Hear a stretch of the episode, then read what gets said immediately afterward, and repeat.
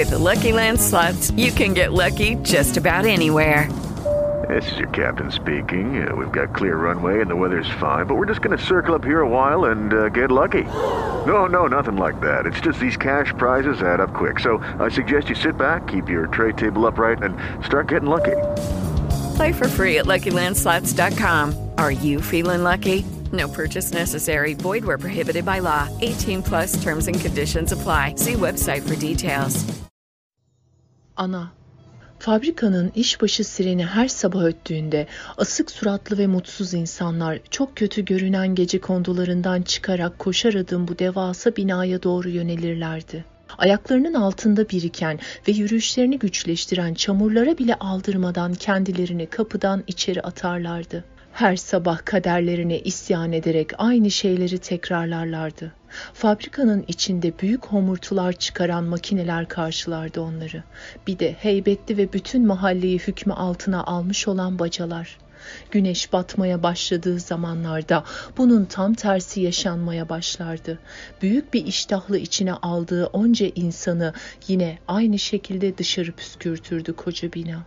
Yağ kokusu ve metal şıkırtısından kurtulan işçiler sabahkinin tersine biraz daha mutlu bir şekilde dağılırdı sokaklara.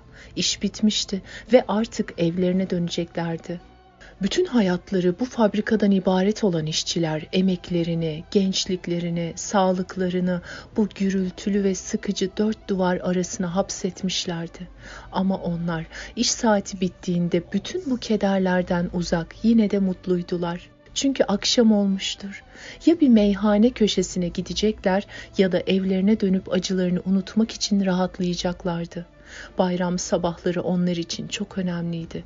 Geç saate kadar uyurlar, uyandıkları zaman çok önemli adamlarmış pozuna bürünüp en güzel elbiselerini giyerler, kiliseye giderler, işleri bittikten sonra yeniden yatıp uyurlardı. Ömürlerinin büyük bir bölümünü bu fabrikaya veren işçiler çok yorgun olduklarını her fırsatta belli ediyorlardı. Yiyememek, fazla içememek ve sallana sallana yürümek onların yorgunluklarının en önemli belirtileri arasındaydı. Akşam saatlerinde sokaklarda tembel tembel dolaşmaları da bu yorgunluğun bir işaretiydi. Bir lastik ayakkabısı olanlar yağmurda da, çamurda da aynı ayakkabılarla sokakları arşınlardı. Şemsiyesi olanlar ise yaz kış şemsiyeyi açıp dolaşırdı sokaklarda. Bu az rastlanır bir örnek. Bir çift lastik ayakkabı veya sağlam bir şemsiye sahibi olmak herkesin harcı değil. Böyle olanlar ise komşularına hava atmak için fırsat kollarlardı. Sokakta karşılaşıldığında da sohbet hep aynı konu üzerinde yoğunlaşırdı. Ya ustabaşı çekiştirilir veya iş yerindeki aksaklıklar üzerinde durulurdu. Bütün hayatları bu iş olduğu için konuşmalarda bundan öteye gidemezdi. Erkeklerin çoğu eve döndüklerinde ya karılarıyla kavga ederler ya da etrafı dağıtırlardı. Gençler ise ya bir meyhane köşesinde sızıp kalır veya arkadaşlarıyla bir araya toplanıp kafaları çekerek açık saçık fıkralar anlatırlardı. Bütün vücutları gibi beyinleri de yorulan bu genç insanlar çoğu zamanda içip içip sağa sola sataşırlar ve sonunda birbirleriyle ciddi kavgalar ederlerdi. Bu tür davranışlar işçi sınıfındaki herkesin en belirgin özelliklerindendi. Çünkü yapacak bir şeyleri yoktu ve küçücük dünyalarına renk, heyecan ve hareket getirecek başka bir eylemleri bulunmuyordu. Bu durum onlara babalarından kalmıştı ve onlarla birlikte mezara kadar gidecekti. Her fırsatta kavga etmeye hazır böyle bir ruh haliyle ömürlerini sürdürüp giderdi bu insanlar. Bayramlarda en güzel elbiselerini giyen gençler akşam olup da evlerine döndüklerinde üstleri başları çamur içinde ağızları kanlanmış olarak çıkardı anne ve babalarının karşısına. Herkes yapılan kavgada nasıl kahramanlık gösterdiğini ballandıra ballandıra anlatır, kendisinin cesaretine dikkat çekmeye çalışırdı. Bazıları ise yediği dayaktan çılgına döner, neredeyse yeniden kendi kendini döverdi. Bu durum toplumun her kesiminde genel bir problem olarak kalmıştı. Yataklarında deliksiz bir uykuya dalan gençler sabahları fabrikanın sirenini duyduklarında hemen ayağa fırlardı. Babaları çocuklarını dövse de bu normal bir davranış biçimiydi. Çünkü onlar da gençliklerinde kendi babalarından aynı şekilde dayak yemişlerdi. Hayat bu fabrika işçileri arasında böyle bir düzen içinde akıp gidiyordu. Bazen mahalleye yabancılar da gelirdi.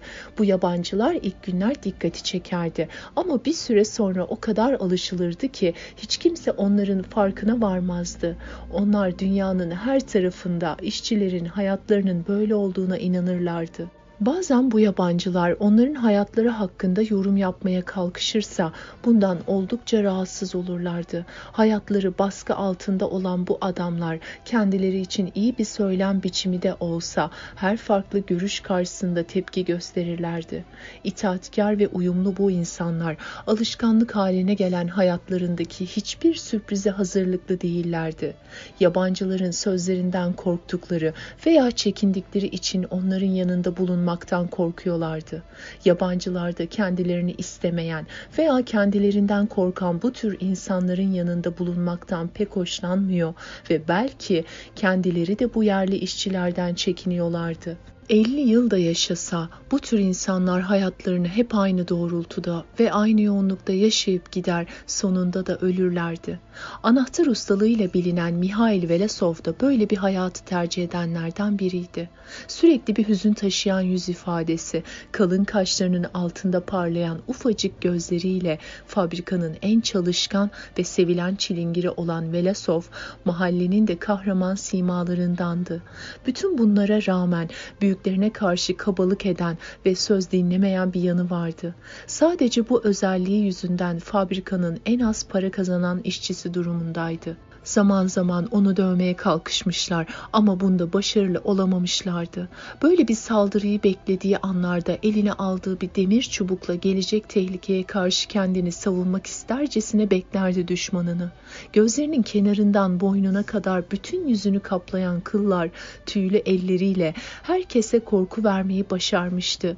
Sivri bir demir gibi yüreğe batan bakışları, acı ve alaycı bir anlamı çağrıştıran gözleriyle karşısındakine kışkırtan kışkırtan bir yapısı vardı. İçinizden hanginiz ölmek ister? diye bağırırdı kızdığı zaman.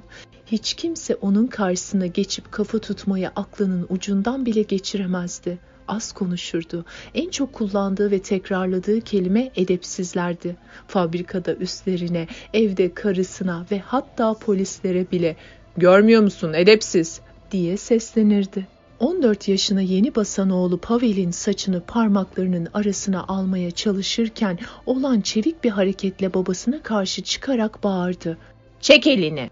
Velosov bir fidanın üzerine çöken kocaman bir ağaç gibi karşısında duran oğlunun üzerine yığılmaya başladı. Ne dedin sen? Yeter artık baba, bundan sonra bana dokunamazsın. diye yine sert çıktı oğlu. Pavel'in iri siyah gözleri büyüdükçe büyüyordu. Fakat bu arada elindeki çekiçle de demire vuruyordu. Belesov şaşırmış bir edayla ellerini arkasında kavuşturdu ve tam o sırada karısını kapının gerisinde gördü. Ona seslendi. Bak kadın, sana bir şey söyleyeceğim. Artık bundan sonra ne kendin için ne de bu oğlan için benden beş kuruş alacaksın. Kadın biraz şaşırmış bir biçimde. Ne yani? Bütün kazandıklarını içkiye mi vereceksin? Diye sordu. Velesov şiddetli bir küfür savurduktan sonra masaya vurdu. Hayır edepsiz kendime bir metres tutacağım dediğini yapmadı Velosov ama ölünceye kadar yani iki yıl boyunca oğluna tek bir kelime bile söylemedi. Velosov'un kendisi gibi bir de köpeği vardı. O her sabah fabrikaya giderken köpek de onunla yola çıkar ve akşama kadar fabrikanın önünde onu beklerdi. Velesov bayram günlerinde içmeye giderdi. Yol boyunca da pek kimseyle konuşmaz. Herkese rahatsızlık derecesinde bir bakış fırlatarak adımlardı sokakları. Köpek de bütün gün boyunca sahibinin yaptığı şeyleri yapar, gittiği her yere giderdi. Akşam olup evde yemek masasına oturduklarında da köpeği yanında olurdu ve kendi yediklerinden ona verirdi. Köpeğini çok severdi. Onu dövmezdi ama okşamazdı da. Sarhoş olduğu zamanlarda köpeğini de yanına alır, kanepeye uzanırdı ve fabrikanın sireni çalıncaya kadar orada öylece sızar kalırdı. Çok ciddi bir rahatsızlıktan kurtulamayarak öldü. Doktoru ümidi kestiğinde simsiyah olmuş yüzüyle dişlerini gıcırdatarak öylece yatmaya başlamıştı. Canı çok yandığında ise karısına adeta yalvarıyordu. Bana biraz zehir ver, öldür beni. Karısı bu duruma daha fazla dayanamadı ve eve doktor çağırdı. Doktor muayeneden sonra ameliyat olması gerektiğini ve bu arada sadece lapa yemesi gerektiğini söyledi. Ancak ameliyata kesinlikle karşı çıktı. Hatta doktora hakaretler bile etti. Defol git karşımdan edepsiz adam. Ölmeyi ben de biliyorum. Ölmek için sana ihtiyacım yok. Doktor gittikten sonra karısı adeta yalvarırcasına onu ameliyata razı etmeye çalıştıysa da o bunu kesinlikle reddetti. Benimle uğraşma, edepsiz. İyi olup ayağa kalktığımda sana dünyayı dar ederim. Fakat o hiç iyileşemedi ve bir sabah fabrika sireni çalarken Velosov da son nefesini verdi. Tabuta yatırdıklarında kaşları çatık, ağzı açıktı. Karısı, köpeği, fabrikadan atılmış ihtiyar bir adam ve mahallenin işsizleri mezarlığa kadar götürdüler cenazeyi. Karısı dolu dolu olmasa bile kocasını kaybetmenin verdiği acıyla biraz ağladı. Pavel'in gözleri kupkuruydu. Yoldan geçerken bazı kadınlar Bayan Velosov'a hem acıyarak hem de sevinçle bakıyorlardı. Peleka kocasının öldüğüne sevinmiştir herhalde. Bir başkası yorumunu dedikoduya kadar götürdü. O ölmedi ki çatladı. Tabut mezara yerleştirildikten sonra herkes orayı terk etti ama Velosov'un köpeği yerinden kıpırdamadı. Taze toprağın üstüne uzanarak uzun uzun kokladı toprağı. Birkaç gün sonra ise mezarın üstünde köpeğin ölüsünü buldular. Kimin öldürdüğü bulunamadı. Babasının ölümünden 15 gün sonra bir pazar günü Pavel eve sarhoş geldi. Sallanarak girdi odadan içeri. Aynen babasının yaptığı gibi yaptı ve annesine seslendi. Yemek. Pelake oğluna yaklaştı. Şefkatli kollarını onun boynuna geçirmek ve sıkı sıkıya sarmak istedi ama Pavel annesini şiddetle iterek kendinden uzaklaştırdı. Çabuk yemeğimi getir anne. Annesi çaresiz ve üzgün bir şekilde yaramaz oğlum benim diyebildi. Pavel ağırlaşan ve ağzında gittikçe büyüyen dilini zorla kıpırdatarak tütün içeceğim babamın piposunu getir bana diye emretti. İlk defa bu kadar sarhoş olmuştu. O da bunun farkına varmış gibiydi. Kendi kendine ben ve sarhoş olmak ha gerçekten sarhoş mu oldum ben diye mırıldandı. Anne yüreği dayanamadı ve oğlunun alnına biriken terleri sildi. Onun dağınık saçlarını topladı ve okşamaya başladı. Keşke içmeseydin oğlum, keşke bunu hiç yapmasaydın.'' Bir süre sonra Pavel'in midesi bulanmaya başladı. Hatta birkaç defa da kustu. Annesi onu yatağına yatırdı. Bir süre sonra kendine geldiğinde hala başı ağrıyor. Ayağının altında bir şeyler kayıyor ve yerinde duramıyordu. Annesine bakarak İçmek kim ben kim anne. Başkaları içiyor ama bir şey olmuyor. Benim midem bulandı." dedi. Annesi şefkatli bir sesle onu bağrına bastı. Sen sürekli içersen ve her gün böyle sarhoş olursan bana kim bakar oğlum? dedi usulca. Pavel yine inatçı bir tavırla. Ama herkes içiyor. Pelake derin bir acıyla iç çekti. Pavel'in hakkı vardı. Çünkü burada hayatın en önemli rengi içki içmekti. Ama oğlum senin içmeye ihtiyacın yok ki. Baban senin yerine de içmedi mi zaten? O bana çok acı verdi, çok çektirdi. Hiç olmazsa sen bana acı diyerek oğlunu kendi fikrine çekmeye çalıştı Bayan Pelake. Peleke uzun boylu ve gittikçe kamburlaşan sırtıyla bir şefkat timsali gibi baktı oğluna. Sürekli çalışan vücudu artık iyice yıpranmış ve yalpalayarak gider gibi duvarlara tutunarak yürümeye başlamıştı. Mavi ve çok güzel gözlerini taşıyan yüzünde artık derin çizgiler vardı. Gür ve siyah saçlarının arasında kırlaşmaya başlayan saç telleri dikkat çekiyordu. Her anne gibi şefkatli ama acı çektiği için garip bir duruşu vardı. Peleke'nin yanağından yaşlar süzülmeye başlamıştı. Bu durum Pavel'e çok dokundu ve korkmaya başladı. Ne olur ağlama anne bana biraz su ver. Dur oğlum su da getireyim sana buzda. Suya alıp geldiğinde Pavel çoktan uyumuştu. Zavallı kadın nefesini tuttu. Elindeki bardak sallanıyor. Buz tuttuğu tabaktan sesler geliyordu. Bardağı masanın üzerine bıraktıktan sonra duvarda asılı olan kutsal resmin önüne giderek diz çöktü. Dua etmeye başladı. Pencerenin camları sokaktaki seslerin şiddetine göre fıkırdıyor. Kadının biri çatlak sesiyle sokağa bağırıyor. Hello, it is Ryan, and I was on a flight the other day playing one of my favorite social spin slot games on chumbacasino.com. I looked over the person sitting next to me, and you know what they were doing? They were also playing Chumba Casino. Coincidence? I think not. Everybody's loving having fun with it. Chumba Casino is home to hundreds of casino style games that you can play for free anytime, anywhere, even at 30,000 feet. So sign up now at chumbacasino.com to claim your free welcome bonus. That's chumbacasino.com and live the Chumba life. No purchase necessary. VGW Group. Void were prohibited by law. See terms and conditions. 18 plus. Biri yüksek sesle şarkı söylüyordu. Velesov ölmüştü ama küçücük evindeki hayat normal seyrinde devam ediyordu. Fakat bugünlerin en önemli farkı daha sessiz geçmesiydi. Mahallenin de büyük bir sessizlik içinde olduğu dikkatlerden kaçmıyordu. Ev küçük bir caddenin ucunda, birdenbire keskin bir inişte bataklığa çıkan bir bölgedeydi. Mutfak neredeyse evin üçte birini kaplıyordu. Tavana kadar çıkamayan ince bir tahtayla bölünmüş bir odada Pelake yatıyordu.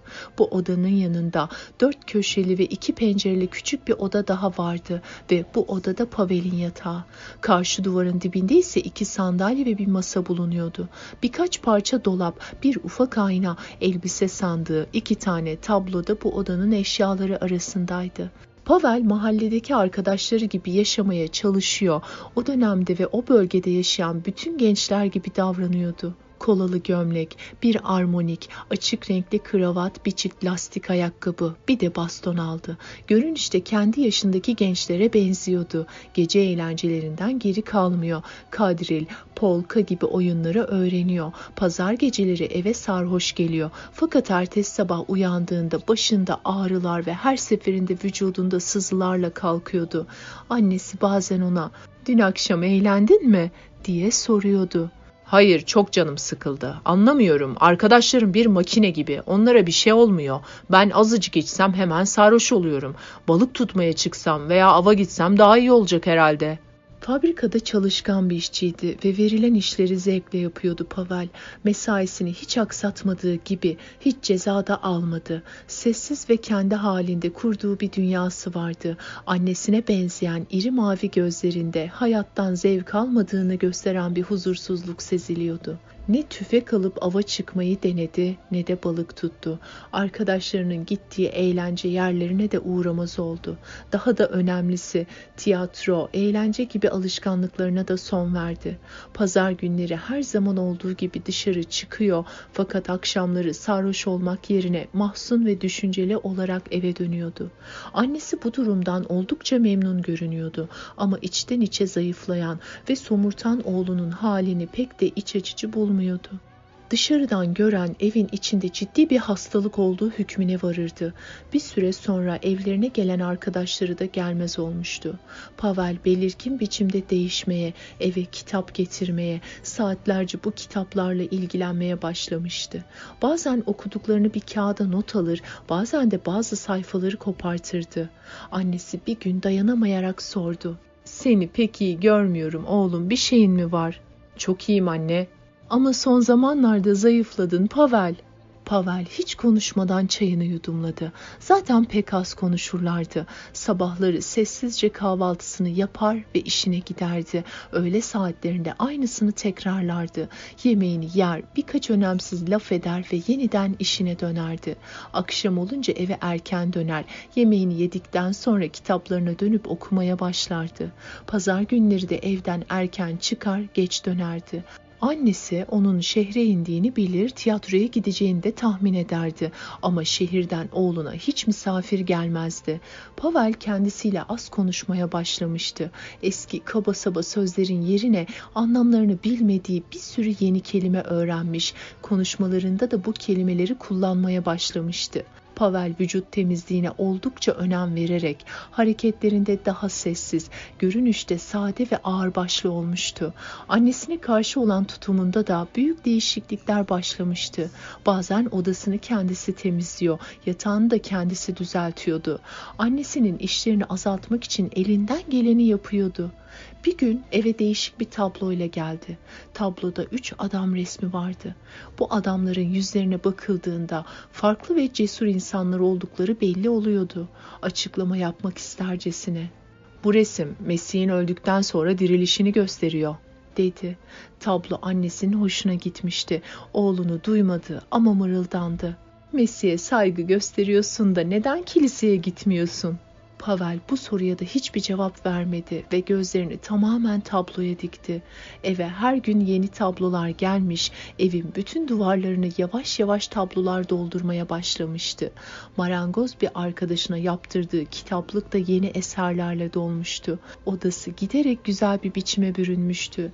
Pavel bir süre sonra annesine de siz diye hitap etmeye başladı. Bir keresinde Anneciğim merak etmeyin bu akşam biraz geç geleceğim dedi. Böyle konuşmaktan dolayı oldukça mutluydu ama annesi oğlundaki değişikliğin farkında olduğundan bu yana düşüncelerini epeyce yormuş ve hatta ona kuşkulu bir şekilde yaklaşmaya başlamıştı. Bazen kalbi sıkışıyor ve olup bitenlere anlam veremiyor gibi mırıldanıyordu akranları gibi gülüp eğlenmiyor. Haddinden fazla ciddileşti. Bu yaşta bu kadar ciddi olması hiç de iyi değil. Adeta bir papaz oldu bizim oğlan. Annesi içten içe kendini kemiren bu fikri onun davranışlarıyla da tartmıştı fabrikadan aldığı bütün parayı kendisine getirmesi, onun bir kız arkadaşının olmaması anlamına geliyordu. Bu durum aylarca devam etti. Oğlunda herhangi bir değişiklik yoktu. Hatta iki yıl boyunca ne olup bittiğini anlayamadan geçip gitti. Pavel bir akşam yemekten sonra pencerenin perdelerini indirerek odanın bir kenarına çekildi. Başucundaki duvara astığı lambanın altına oturdu ve cebinden çıkardığı kitabı okumaya başladı. Annesi işini bitirmişti. Oğlunun yanına gelip oturdu. Pavel başını kaldırarak annesine bir bakış fırlattı ki kadın onun rahatsızlığını anlayarak "Bir şey yok oğlum, seni görmek istedim." Dedi. Fakat o da rahatsız oldu ve kendini mutfağa attı. Bir süre öyle kaldıktan sonra ellerini yıkayıp tekrar Pavel'in yanına döndü. Oğlum, okuduğun şeyi merak ediyorum da onun için senin yanına geliyorum, dedi. Pavel okuduğu kitaptan başını kaldırmadan ve büyük bir ciddiyetle annesinin merakını gidermek istercesine cevaplandırdı. Yasak kitaplar okuyorum anne. Devletimiz bu kitapların okunmasını yasakladı. Çünkü bu kitaplarda halkın gerçekleri yazıyor. Halk eğer bu gerçeklerin farkına varırsa devlet onu idare edemez. Bu kitaplar gizli gizli basılır. Eğer bende bu kitapların olduğunu bilseler hemen hapse tıkarlar. Yani kendi gerçeğini öğrenmek isteyen birini hapse atarlar anne. Anladın mı?'' Korku dolu gözlerle oğlunu dinleyen anne zor nefes alır gibiydi. Onun halindeki yabancılaşmayı sezdiği için korkusu iki katına çıkmıştı. Pavel'in sesindeki kararlılık ve ciddiyet karşısında bir hamle daha yapmak istedi. Bunları neden okuyorsun oğlum? Pavel başını kaldırdı. ince bıyıklarını parmaklarının arasına aldı ve annesine baktıktan sonra yine aynı tonla cevap verdi.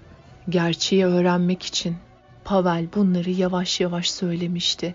Bayan Pelake oğlunun kalbine giren şey her ne ise o buna o kadar inanmıştı ki söküp atmak kolay değildi. Yaşadıklarını gözünün önüne getirdi ve hıçkıra hıçkıra ağlamaya başladı. Pavel annesinin bu haline yine sakin bir edayla karşılık verdi ve onu yanına çekti. Ağlama anne. Düşünsene bu yaşadığımız hayata hayat mı denir? 40 yaşındasın ve bugüne kadar doğru dürüst yüzün gülmedi. Hep acı çektin. Babamı düşün anne. Çaresizlikten ve acizlikten her gün döverdi seni. Onu daha iyi anlıyorum. Çünkü hiçbir şey yapamamanın verdiği sıkıntıyla böyle davranıyordu. 30 yıl çalıştığı fabrika bir zamanlar sadece iki tane binaydı. Şimdi koskocaman bir şehir oldu. Fabrikalar insanlar çalıştıkça gelişir ve çoğalır ama insanlar çalıştıkça ölürler. Pelake şaşkın ve heyecanla oğlunun sözlerini dinliyordu. Pavel'in mavi gözlerinden adeta ateş fışkırıyordu. Kendinden oldukça emin bir edayla ona toplum gerçeklerini anlatıyordu. Karşısında kendini dinleyen birini bulmuş olmanın heyecanıyla anlatan Pavel, inançla ve gururla bir şeylerden bahsediyordu.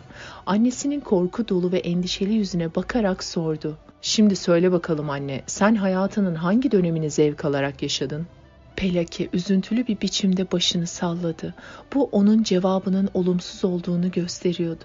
O zamana kadar tatmadığı bir duygu yaşıyordu şimdi. İlk defa birisi onu merkeze alıyor ve kendi hayatıyla ilgili bir şeyler öğrenmek istiyordu.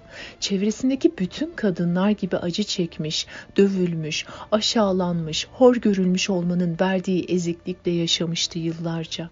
Şimdi kendi oğlu yani öz oğlu karşısına geçmiş, ona kendi kendisine anlatıyor ve çektiği acının kaynağını bulmaya çalışıyordu. Bütün bu endişeli yaklaşımına rağmen oğluna karşı kalbinin bir köşesinde gururla birlikte farklı şeyler hissetmeye başlamıştı. Pavel'in sözünü kesti. Peki şimdi ne yapacaksın? Önce ben öğreneceğim bütün bu gerçekleri, sonra da bilmeyenlere anlatacağım. Çünkü bu bana bir görev yüklüyor anne. Hayatın ne kadar acı ve acımasız gerçeklerle dolu olduğunu göstereceğim insanlara.'' Oğlunun mavi gözlerindeki inanç karşısında susmuştu kadın. Yüreğinde taşıdığı sevgi kat kat artan Pelake, dilinin ucuna gelen ama söylemekten kaçındığı bir şeylerin olduğunu biliyordu. Hatta ona bunu yapma oğlum daha gençsin seni ezerler diyecekti ki vazgeçti hayatın acımasızlıklarına karşı insanları aydınlatmak isteyen bir evlada sahip olduğu için kendini çok mutlu hissediyordu. Karşısındaki bu zeki, genç adamın boynuna sarılmak, onu çok sevdiğini söylemek, kalbinden gelen sesle onu çok beğendiğini anlatmak istedi. Ama bunu da yapamadı. Pavel de mutluydu. İçindeki heyecanı birisiyle, en önemlisi de annesiyle paylaşmıştı. Annesinin bütün dikkat ve heyecanıyla kendisini dinlediğini gördükçe mutluluktan gözleri daha da başka parlamaya başlamıştı. Kaşlarını çatarak, gülerek ve daha da ciddileşerek anlattığı şeyleri annesi de dinliyor ve bazen sanki bu iyi bir şey mi diye soruyordu. Pavel ise her zamanki inancıyla evet diyerek susturuyordu annesini. Artık annesine ezilen ve bir hayvan gibi güdülmeye çalışan halka anlatıyordu Pavel. Cezaevlerine gönderilen ve sürgün edilen insanların varlığından haberdar olduğunu haykırıyordu bazen. Ben bu insanların çoğunu gördüm. Onlar yeryüzünün en iyi insanlarıdır anne ama sürgüne gönderiliyorlar. Anne kalbi oğlunun bu kararlılığı karşısında korkuya kapılıyor ve oracıkta susuyordu alçak bir sesle.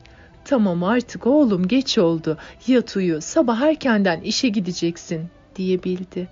Tamam anne yatacağım ama benim ne demek istediğimi anladın mı? Anladım da korkuyorum. Eğer duyarlarsa seni mahvederler, ezerler. Pavel oturduğu yerden kalktı. Gözlerini bir noktaya dikerek yine aynı kararlılıkta konuşmaya başladı.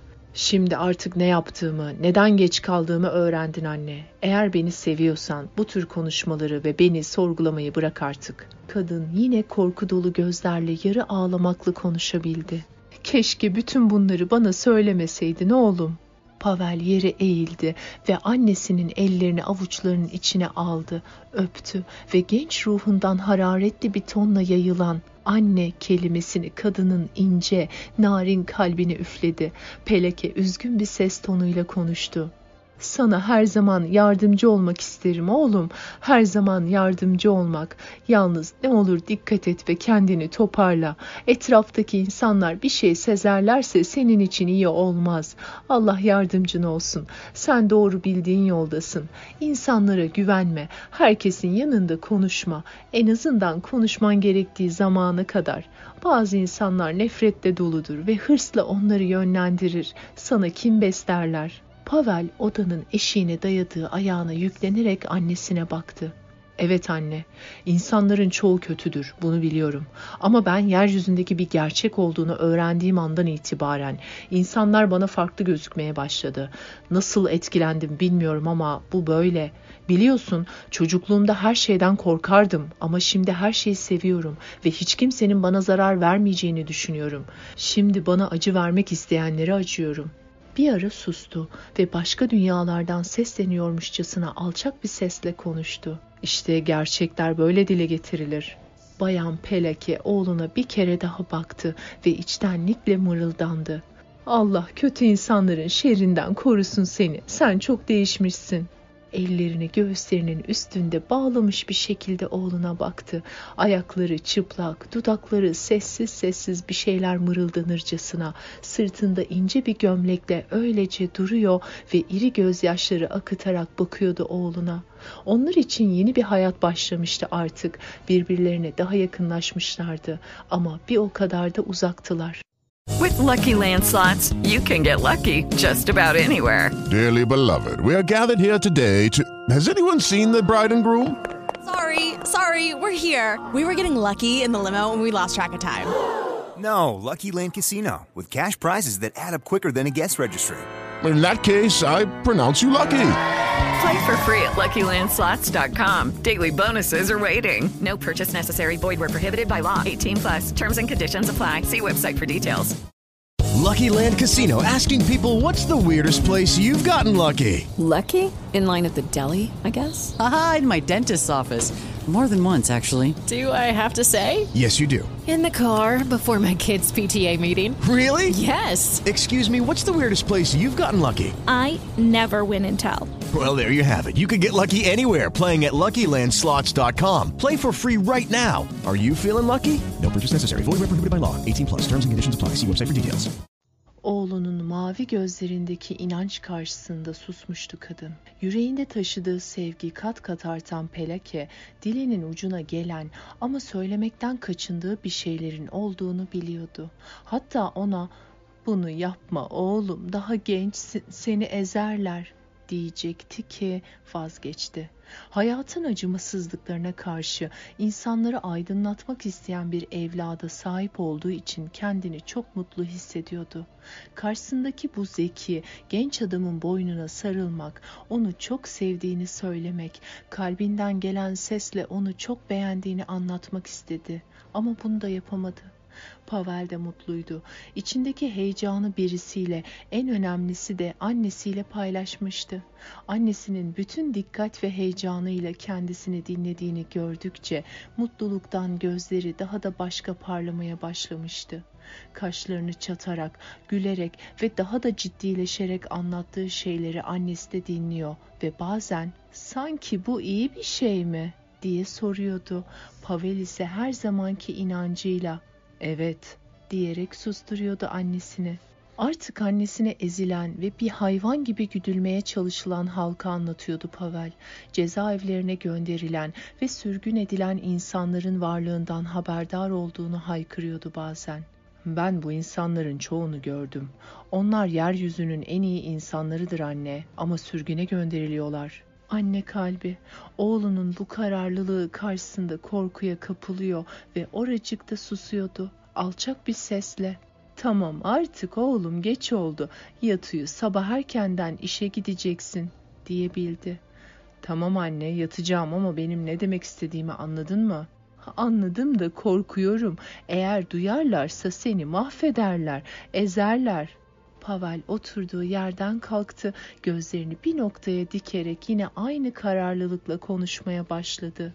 Şimdi artık ne yaptığımı, neden geç kaldığımı öğrendin anne. Eğer beni seviyorsan bu tür konuşmaları ve beni sorgulamayı bırak artık. Kadın yine korku dolu gözlerle yarı ağlamaklı konuşabildi. Keşke bütün bunları bana söylemeseydin oğlum. Pavel eğildi ve annesinin ellerini avuçlarının içine aldı, öptü ve genç ruhundan hararetli bir tonla yayılan anne kelimesini kadının ince, narin kalbine üfledi. Peleke üzgün bir ses tonuyla konuştu. Sana her zaman yardımcı olmak isterim oğlum. Her zaman yardımcı olmak. Yalnız ne olur dikkat et ve kendini toparla. Etraftaki insanlar bir şey sezerlerse senin için iyi olmaz. Allah yardımcın olsun. Sen doğru bildiğin yoldasın. İnsanlara güvenme. Herkesin yanında konuşma. En azından konuşman gerektiği zamana kadar. Bazı insanlar nefretle doludur ve hırsla onları yönlendirir. Sana kin beslerler. Pavel odanın eşiğine dayadığı ayağına yüklenerek annesine baktı. Evet anne, insanların çoğu kötüdür, bunu biliyorum. Ama ben yeryüzünde bir gerçek olduğunu öğrendiğim andan itibaren insanlar bana farklı gözükmeye başladı. Nasıl etkilendim bilmiyorum ama bu böyle. Biliyorsun, çocukluğumda her şeyden korkardım ama şimdi her şeyi seviyorum ve hiç kimsenin bana zarar vermeyeceğini düşünüyorum. Şimdi bana acı vermek isteyenlere acıyorum bir ara sustu ve başka dünyalardan sesleniyormuşçasına alçak bir sesle konuştu. İşte gerçekler böyle dile getirilir.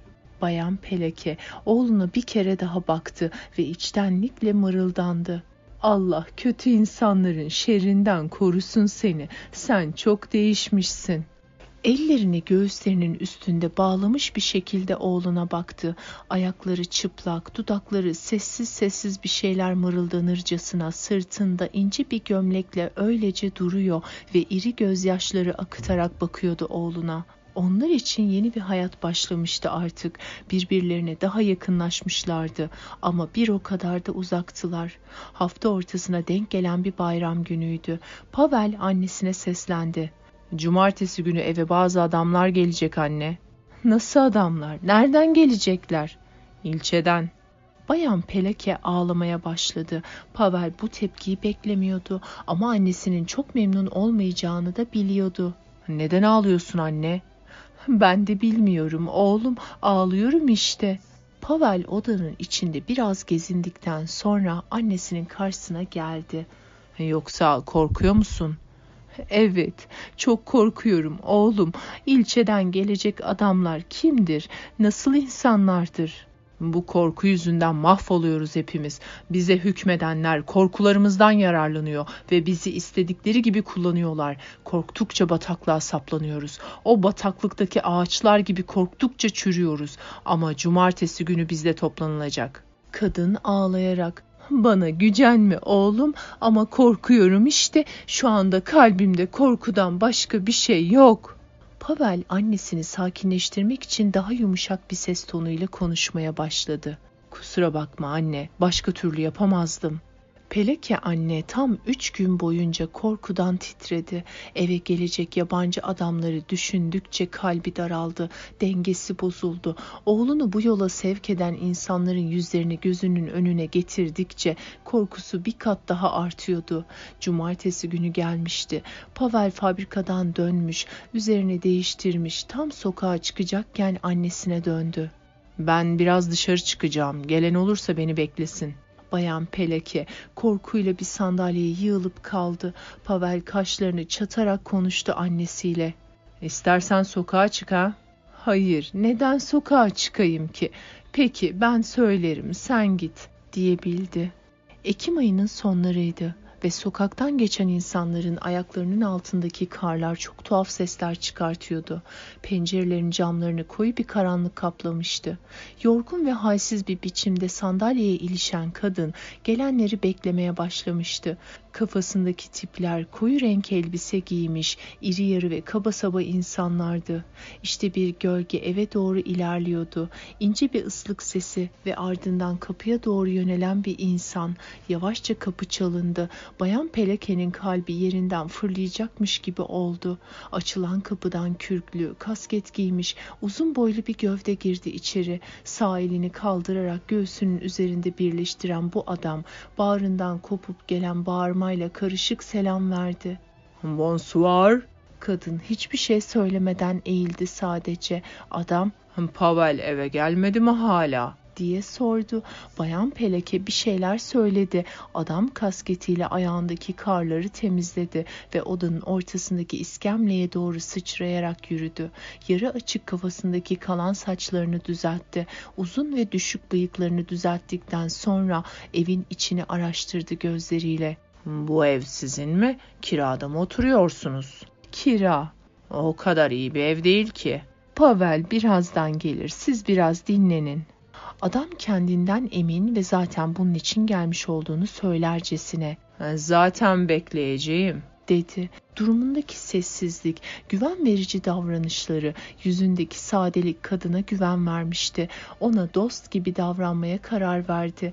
Bu adamın oğlunu ne zamandan bu yana tanıdığını öğrenmek istedi. Ama adam ona bir soruyla karşılık verdi. Alnınızdaki çukur neden oldu bayan? Peleke nazik bir şekilde bu soruya cevap vermemenin yollarını ararken canının sıkılmış olmasının da getirdiği bir ses tonuyla sizi ilgilendirmez diyebildi. Adam sorusunun yanlış anlaşılmasından rahatsız olmuş bir biçimde kadına döndü tekrar ve açıklamaya başladı. Elbette bana ne ama bir zamanlar benim üvey annemde de böyle bir yara vardı. Babam günün birinde bir çizme kalıbıyla vurmuştu kafasına alnı delinmişti. Çamaşırcılık yapardı ve beni evlatlığa kabul ettiği zamanlar kötü bir adamla evlenmişti. Her gün dayak yerdi. Ben adamdan öyle korkardım ki her gördüğümde bir kedi gibi saklanacak delik arardım. Bayan Peleke sert ve kararlı olan bu adamın anlattığı şeylerin ruhuna bürünerek yumuşadığını hissetti. Ters bir şey söylerse Pavel'in üzüleceğini de düşünmeye başladı.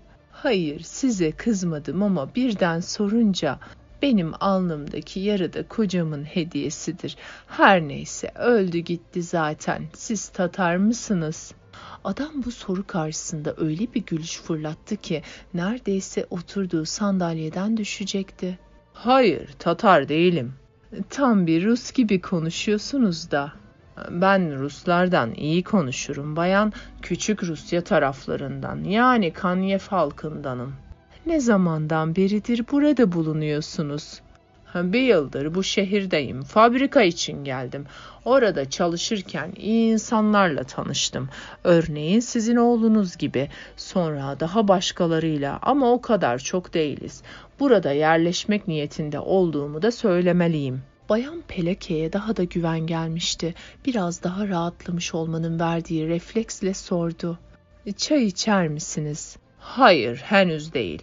Yalnız başıma içmem. Diğerleri de gelsin ondan sonra. Biraz sonra başka ayak sesleri duyulmaya başladı. Kapı çalındı. İçeriye ufak tefek, kumral ve minik yapılı bir genç kız girdi. Kumral saçları kalın bir demet halinde başını örten kız telaşla ''Fazla geç kalmadın değil mi?'' diye sordu. Kanyefli olduğunu söyleyen ilk misafir cevaplandırdı. Hayır, geç kalmadınız. Yaya mı geldiniz? Tabii ki yürüyerek geldim. Bonsoir madam. Siz Pavel Mihailovich'in annesi misiniz? Benim adım da Natasha. Babanızın adı? Vasilyevna. Ya sizin? Pelake Linovna. Artık birbirimizi tanıdık. Evet.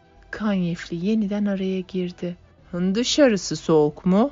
Hem de çok soğuk. Hele tarlalar daha da soğuk. Acı bir rüzgar esiyor. İnce sesli, tombul vücutlu ve küçük ağızlı bu şirin kıza baktı Pelake. Mantosunu çıkardıktan sonra soğuktan pembeleşmiş elleriyle üşüyen yüzünü ısıtmaya çalıştı. Bunu yaparken odanın içinde yürüyordu. Ayakkabısının topuğu tık tık diye sesler çıkarıyordu. Pelake kendi kendine zavallı lastik ayakkabıları da yok diye düşündü. Çok üşüdüm, neredeyse donuyorum dedi genç kız bayan Peleke hemen atıldı. Semaveri getireyim biraz ısınırsın. Dışarı çıktıktan sonra içinde bir sevinç halisi oluştuğunu, genç kıza kanının ısındığını anladı. Kendi kendine gülümsemeye başlamıştı. İki misafir kendi kendine konuşmaya başlamıştı. Önce genç kız konuştu. Neden böyle hüzünlü duruyorsun Andre? Ha, bilemiyorum. Sadece düşünüyorum. Şu güzel gözlü dul kadını düşünüyorum. Kendi kendime. Belki annemin gözleri de böyleydi diyorum. Ama sen annenin öldüğünü söylemiştin. Hayır, ölen beni büyüten annemdir. Ben kendi annemden söz ediyorum. Belki de şu andaki evde bir sokak başında dilencilik yapıyor, akşamları da meyhanede içiyordur. Neden? Çünkü sarhoş olunca polisler yakalıyor, kıyasıya dövüyorlar. Peleke bütün konuşulanları duydu ve içinden zavallı adam diye geçirdi. Andre'nin sesi birden yükseldi. Siz daha bir şey görmediniz. Çok gençsiniz. Herkesin bir annesi var ama insanlar yine de kötü. Çocuk doğurmak çok zordur ama insanlara iyiliği öğretmek çocuk doğurmaktan daha zordur. Bayan Pelake yine içini çekti ve oğluna iyiliği öğretmek, hatta Andre'ye de iyi ve doğru yolu göstermek istediğini anlatmak istiyordu ama hiçbir şey bilmiyordu. Tam bu sırada kapı tekrar çaldı. Gelen tanınmış hırsız Danilov'un oğluydu. Kadıncağız ürktü ve Sovçikov'u herkes tanırdı. Bütün mahalleli ondan bıkmıştı neredeyse. Pavel yok mu? diye sordu. Ne istiyorsun? Diye karşı cevabı verdi Peleke. Genç adam bir şey söylemeden odanın içine daldı kadın kafasından. Olamaz bu onlardan olamaz diye geçirdi ama Natasha ve Sovçikov'u görünce ayağa kalktı ve onun ellerini sıktı. Daha sonra daha çocuk denecek yaşta iki genç daha geldi eve. Peleke bunlardan birini fabrikanın eski işçilerinden Feodor Sizov'un yeğenini tanıyordu. Düz saçlı olan öteki genci tanıyamadı. Biraz sonra Pavel göründü kapıda. Yanında iki adam daha vardı. Peleke bu işçileri tanıyordu. Çay hazır mı anne? Peleke sebebini bilemediği bir mutlulukla vodka ister misiniz diye sordu. Hayır anne istemez dedi Pavel. Pavel'in bu toplantıyı neden bu kadar çok önemsediğini ve büyüttüğünü anlamaya çalıştı. Ona göre abartılacak bir şey yoktu. Arkadaşlarıyla kendi evinde toplanmak istemişti o kadar. Bunlar mı senin tehlikeli dediğin adamlar? Evet anne işte o adamlar bunlar. Ya Semaverdeki su kaynamaya başlayınca Peleke odaya girdi. Misafirler masanın etrafında oturmuşlardı. Natasha eline bir kitap almış. Lambanın altında okumaya dalmıştı. İlk sözü o aldı. İnsanların neden bu kadar kötü yaşadıklarını anlamak için küçük Rusyalı söze girdi. Ve neden bu kadar kötü olduklarını anlamak için Natasha devam etti.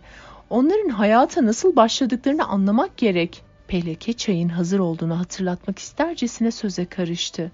Çocuklar bakın. Pavel bozulmuştu. Ne oldu anne? Bütün bakışlar Peleke'nin üzerine toplanmıştı. Natasha gülerek çay için teşekkürler dedi. Andre de çaya teşekkür ederiz ana dedi. Birden hepsi güldü. Peleke'nin de yüzü gülmüştü. Ama daha içmeden teşekkür ediyorsunuz. Sonra Pavel'e bakarak sordu. Sizi rahatsız ediyorsam çekileyim dedi. Natasha onu susturmak istercesine atıldı. Olur mu hiç öyle şey? Siz evin kadınısınız. Hiç misafirinizi rahatsız eder misiniz? Şey, anneciğim, bana biraz daha çay verir misiniz? Donuyorum galiba. Peleke mutlu bir yüz ifadesiyle. It is Ryan here and I have a question for you. What do you do when you win? Like are you a fist pumper? A woohooer, a hand clapper, a high fiver. I kind of like the high five, but if you want to hone in on those winning moves, check out Chumba Casino. At ChumbaCasino.com, choose from hundreds of social casino style games for your chance to redeem serious cash prizes. There are new game releases weekly, plus free daily bonuses. So don't wait. Start having the most fun ever at ChumbaCasino.com. No purchase necessary. VGW. Void were prohibited by law. See terms and conditions. 18 plus. Hemen ayağa kalktı. Peki kızım hemen getiriyorum. Natasha çayı yudumladıktan sonra atkısını boynuna doladı ve elindeki kitabı yeniden okumaya başladı. Peleke yavaş yavaş yürüyor. Kimseyi rahatsız etmeden onlara hizmet etmeye çalışıyordu. Genç kızın billur gibi sesle okuduğu ve yorumladığı şeyleri anlamaya çalışıyor ve içten içe ona hayranlık besliyordu. Anlatılanların yer aldığı kitapların neden yasaklandığını anlamaya çalışıyordu aklının erdiğince.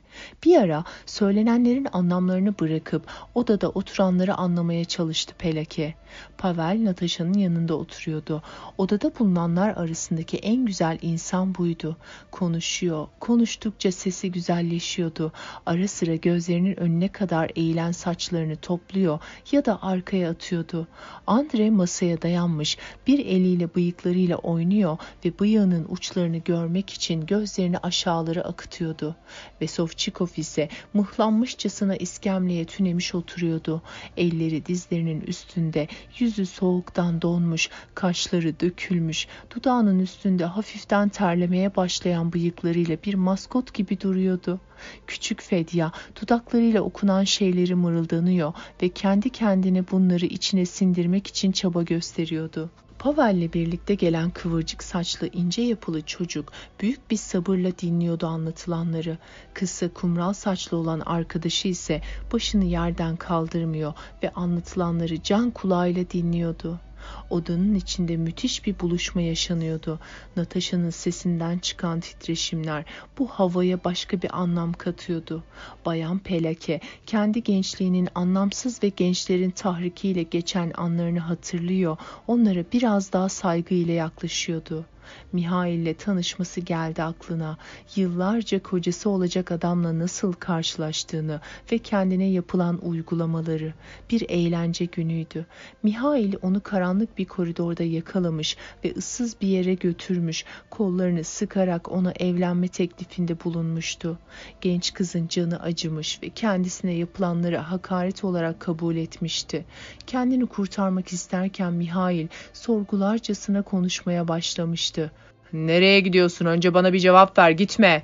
O utancından kızarmış bir halde kendini bu baskıdan kurtarmak istiyordu. Hadi bana öyle davranma. Aslında sen de istiyorsun değil mi? Ben sizi tanırım. Bütün kadınlar böyledir. İstemiyor gibi görünürsünüz ama siz de bal gibi bizi istiyorsunuz. Tam o sırada yan kapıda biri göründü. Mihail de kızın kollarını bıraktı ama kararlı bir biçimde. Yarın seni isteteceğim. Karım olacaksın anlıyor musun? Dediğini yapmıştı adam. Peyleki bütün bunları yaşarken içine çekti ve derin düşüncesinden uyandı. Tam burada Vesovçikov'un sesini duydu. İnsanların nasıl yaşadığını bilmek istemiyorum. Ben nasıl yaşamam gerektiğini öğrenmek istiyorum arkadaş. Saçları kızıl olan adam ayağa kalktı. Evet arkadaşımız haklı. Fedya söze karıştı. Kendimizi bilimle, aklın ışığı ve kültürle aydınlatmalıyız. Hayır ben böyle düşünmüyorum. İleri gitmek ve aydın olmak istiyorsak her şeyi bilmek zorundayız. Kıvırcık saçlı olan genç adam Evet kesinlikle doğru diyebildi. Ardından çok ateşli bir tartışma başladı. Bayan Peleke bu adamların neden yüksek sesle konuştuklarını ve tartıştıklarını anlayamıyordu. Bütün yüzler tartışmanın verdiği heyecanla kıpkırmızı kesilmişti. Kendi kendine herhalde kızın yanında konuşmaktan çekiniyorlar diye düşündü. Natasha'nın yüzüne baktı. Çok ciddi bir yüz ifadesiyle karşılaştı. Durun arkadaşlar diye bağırdı Natasha. Herkes birden ona döndü. Her şeyi bilmeliyiz diyenler haklı. Karanlıkta kalan halk bizi görebilmeli. Her şeye gerçek ve namus çerçevesinde cevap verebilmeliyiz. Doğru ya da yanlış ne varsa hepsini öğrenmek zorundayız. Andre de pür dikkat kadını dinlemeye başlamıştı.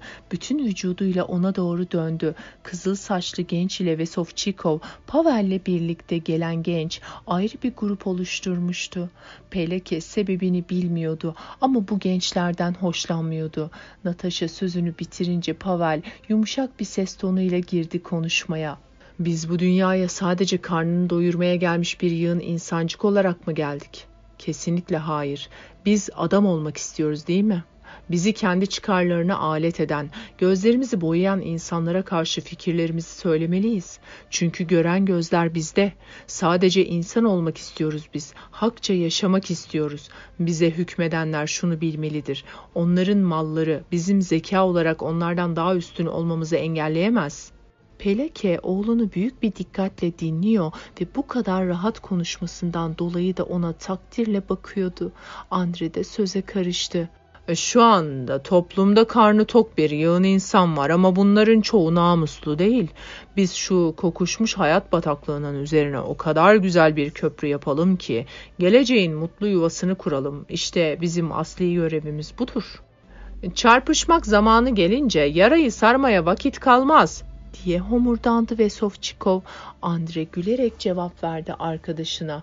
Daha savaş başlamadan kemiklerimizi kırarlar. Vakit hayli geç olmuştu. Misafirler yavaş yavaş dağılmaya başlamıştı.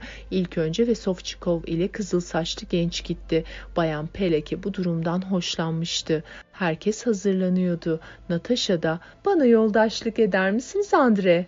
Elbette ederim hem de sevinçle dedi adam.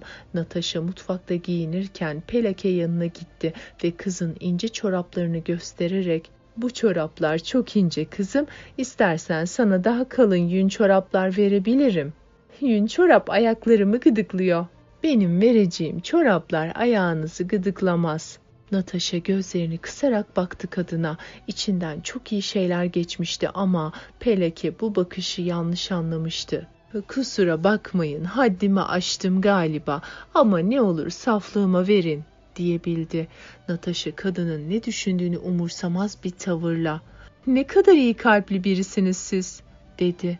Tam o sırada Andre içeri girdi ve iki kadının konuşmalarını yarıda keserek Hoşçakalın Bayan Pelake dedi ve hemen Natasha'nın arkasından dışarı çıktı. Peleke oğlunun yüzüne baktı. Pavel gülüyordu. Niçin gülüyorsun Pavel? diye sordu. Sevinçten anne diyebildi Pavel. Ben ihtiyarlıktan mıdır nedir bilmem ama iyi bir şey olunca hemen anlıyorum. Haklısınız anne artık geç oldu yatın. Sen de yat oğlum ben şimdi yatacağım yarın işe gideceksin çünkü. Masanın üzerindeki bardakları topladı. Yüreği sevinçle dolmuştu. Her şey o kadar sessizlik içinde geçmişti ki oğluna iyi şeyler düşünüyorsun. Bu gelen insanların hepsi gerçekten çok iyi yürekli. Hele Natasha ne kadar da akıllı. Kimlerden bu kız oğlum? Pavel odanın içinde gezinerek alçak bir sesle cevap verdi. O bir öğretmen. Bir ilkokulda öğretmenlik yapıyor. Anladım. O yüzden böyle zayıf giyinmiş. Peki annesi babası nerede bu kızın? Moskova'da dedi ve annesinin yanına oturarak anlatmaya başladı. Babası çok zengin. Demir ticaretiyle uğraşıyor. Kızı bu tür düşüncelere sahip olduğu için onu yanından uzaklaştırmış. Mağazaları var. Yanında birçok insan çalıştırıyor. Natasha'yı şımartmışlar. Büyük bir zenginlik içinde yetiştirmişler ama görüyorsun ya 7 kilometrelik yolu yaya geliyor. Bütün bunları dinleyen Peleke şimdi biraz daha üzülmüştü. Bir süre sonra ilçeye mi gitti? Evet ama burada kalabilirdi gecenin bu yarısında. Gitmesi gerek anne. Sabah onu buradan çıkarken görürlerse hem onun için hem de benim için iyi şeyler olmazdı. İyi ama bunda korkacak bir şey yok ki. Böyle şeylerde kötülük olmaz değil mi? Biz kimseye kötülük etmedik ve etmeyeceğiz anne ama cezaevleri bizi bekliyor bunu bil. Peleke'nin elleri yeniden titremeye başlamıştı. Üzüldüğünü belli etmemeye çalışarak kim bilir oğlum belki daha da iyi olur diyebildi Pavel. Annesinin kendisini yumuşatmak ve moralini bozmamak için böyle söylediğini biliyordu. Hayır anne, bu sonucu bekliyoruz biz. Başka türlüsünü düşünmek hayal bile... Hadi artık yat.'' Annesi başını pencereye çevirdi. Dışarıda fırtına vardı ve rüzgar karları bir o yana bir bu yana savurup duruyordu. Yavaş bir sesle adeta mırıldanırcasına dua etmeye başladı. Tanrım ne olur bize acı gözyaşlarını zor zapt ediyor ama oğlunun geleceği hakkındaki bu konuşmaları karşısında kalbi bir kelebek gibi titriyordu. Gözünün önüne bir çöl getirdi. Küçük bir kız çocuğu bata çıka yürüyordu ilerilere. Küçücük vücudu kırılgan bir kaykılışla zor hareket ediyordu. Kalın ve ince sesler birbirine karışıyor. Uzakta, ta uzakta şehrin ışıkları gecenin içinde parlıyordu. Peleke soğuktan titreyen vücuduna sarıldı ve yine yalvarmaya başladı. Tanrım ne olur bize acı ve yardım et. Bu toplantılar uzun haftalar ve aylar boyunca devam etti. Küçücük evin yine küçük odası değişik simaları da görüyordu zaman zaman. Her cumartesi günü bir araya gelen Pavel'in arkadaşları kendilerini her toplantıdan sonra bir basamak daha yukarıya çıkmış hissediyorlardı. Natasha soğuktan neredeyse donmuş bir halde ama neşesinden bir şey kaybetmeden katılıyordu toplantılara. Peleke ona bir çift yün çorap vermişti. Kendi eliyle giydirmek istedi bu çorapları minicik ayaklara. Natasha önce karşı çıkmak istedi ama kadının mutlu olduğunu görünce sesini çıkarmadı. Bir süre sonra Peleke ile bazı şeyleri konuşma gereği hissetti Natasha. Benim bir zamanlar dadım vardı ve beni böyle severdi. Çok garip değil mi? İnsanlar bunca acı içindeyken bile sevgilerini başkalarına karşı gösterebiliyorlar. Bunları söylerken elini kaldırdı ve çok uzaklardaki bir şeyi hatırlatmak istiyor gibiydi ama bayan Pelake devreye girdi. Ama siz anne ve babanızı çok uzaklarda bıraktınız. Bunu söylerken boğazında bir şeyler düğümlendi. Sebebini bilmediği bir minnet hissiyle doldu kalbi. Başını yere eğen kızın dizinin dibine çöktü ve onun gözlerini aradı. Natasha konuşmaya başlamıştı. Evet, annemi de babamı da feda ettim bu iş için. Bunun için pişman değilim. Çünkü onlar beni anlamadılar. Çünkü onlar normal insanlar gibi yaşamıyorlar. Kardeşim de öyle. Sürekli içer. Ablamı istemediği biriyle evlendirdiler. Adam çok zengin ama aşırı derecede kıskanç. Sadece anneme acıyorum. Çünkü o size benziyor. Sade ve sevecen. Herkesten korkar o. Onu görmeyi çok istiyorum. Zavallı kızım benim diyebildi Bayan Peleke. Genç kız bu son söyleneni o kadar ciddiye aldı ki bağırmaya başladı. Hayır, ben kesinlikle zavallı değilim. Bazen bu durumdan mutluluk bile duyuyorum. Yüzü sararmış, mavi gözleri kan çanağına dönmüştü adeta. Elini Peleke'nin omzuna koydu ve içinden gelen bir ses tonuyla konuşmaya başladı. Bakın Bayan Peleke, biz çok kutsal ve geleceğe aydınlık bir hareket başlattık. Siz bizim yanımızdasınız ve bunu ancak siz anlayabilirsiniz. Peleke kızı dinledi ama içindeki kıskançlığı da gizleyemedi. Neye yarar ki kızım? Ben artık hem ihtiyar hem de cahil bir kadınım. Pavel bu toplantıların en çok konuşan elemanıydı. Günden güne zayıflamaya da başlamıştı. Peleke'de konuşulanları büyük bir dikkatle dinliyor ve Natasha ile Pavel konuşurken birbirlerine ne kadar çok yakıştıklarını düşünüyordu. Natasha'nın gelini olmasını ne kadar çok istiyordu. Kendi içinden buna çözümde bulmuştu ve inşallah demeye başlamıştı. Tartışmalar çıkmaz bir yola girince Andre ayağa kalkar ve yumuşak tatlı sesiyle ortamı rahatlatırdı. Sessiz sedasız duran ve Sovçikov da arkadaşlarını sürekli tahrik ederek tartışmaları Samoilov ve kızıl saçlı genç ile birlikte ateşlendirirdi. Yuvarlak başlı, güneşten solmuş gibi beyaz kaşlı Ivan Bukin de onu tutardı. Peleke'ye göre Nikola Ivanoviç çok uzaktan yani insanların bolluk içinde yaşadığı bir yerden gelmişti. Bu yüzden şu anda yaşadığı yerin hiçbir şeyini beğenmiyordu. Yavaş sesli ve elleri sıcaktı. Öyle bir tokalaşması vardı ki Peleke'nin ellerini sıkarken kadıncağız neye uğradığını şaşırdı. İlçeden başka gelenler de oluyordu. Bunların arasında uzun boylu, iri gözlü, zayıf ve soluk yüzlü bir genç kız da vardı. Adı Saşenka olan bu kızın yürüyüşünde bir erkek edası vardı. Bir konuşmasında öyle bir dalmıştı ki biz sosyalistler diye söze başlamıştı. Peleke bu sözü duyduğunda korku dolu bir sessizlik içinde kızın gözlerine bakmıştı. Sosyalistlerin zamanında bir çarı öldürdüklerini biliyordu. Ama o zamanlar daha çok gençti. Çiftlik sahipleri, elleri altında bulunan köleleri esaretten kurtaran bir diktatör yok edilinceye kadar saçlarını kesmeme kararı almışlardı. Fakat oğlu ve arkadaşlarının neden sosyalist olduklarını bir türlü anlayamıyordu. Herkes dağıldıktan sonra Pavel'in yanına yaklaştı. Sen gerçekten sosyalist misin? Diye sordu. Pavel her zamanki inançlı ve kararlı halinden taviz vermeden cevaplandırdı. Evet, bu iyi mi acaba?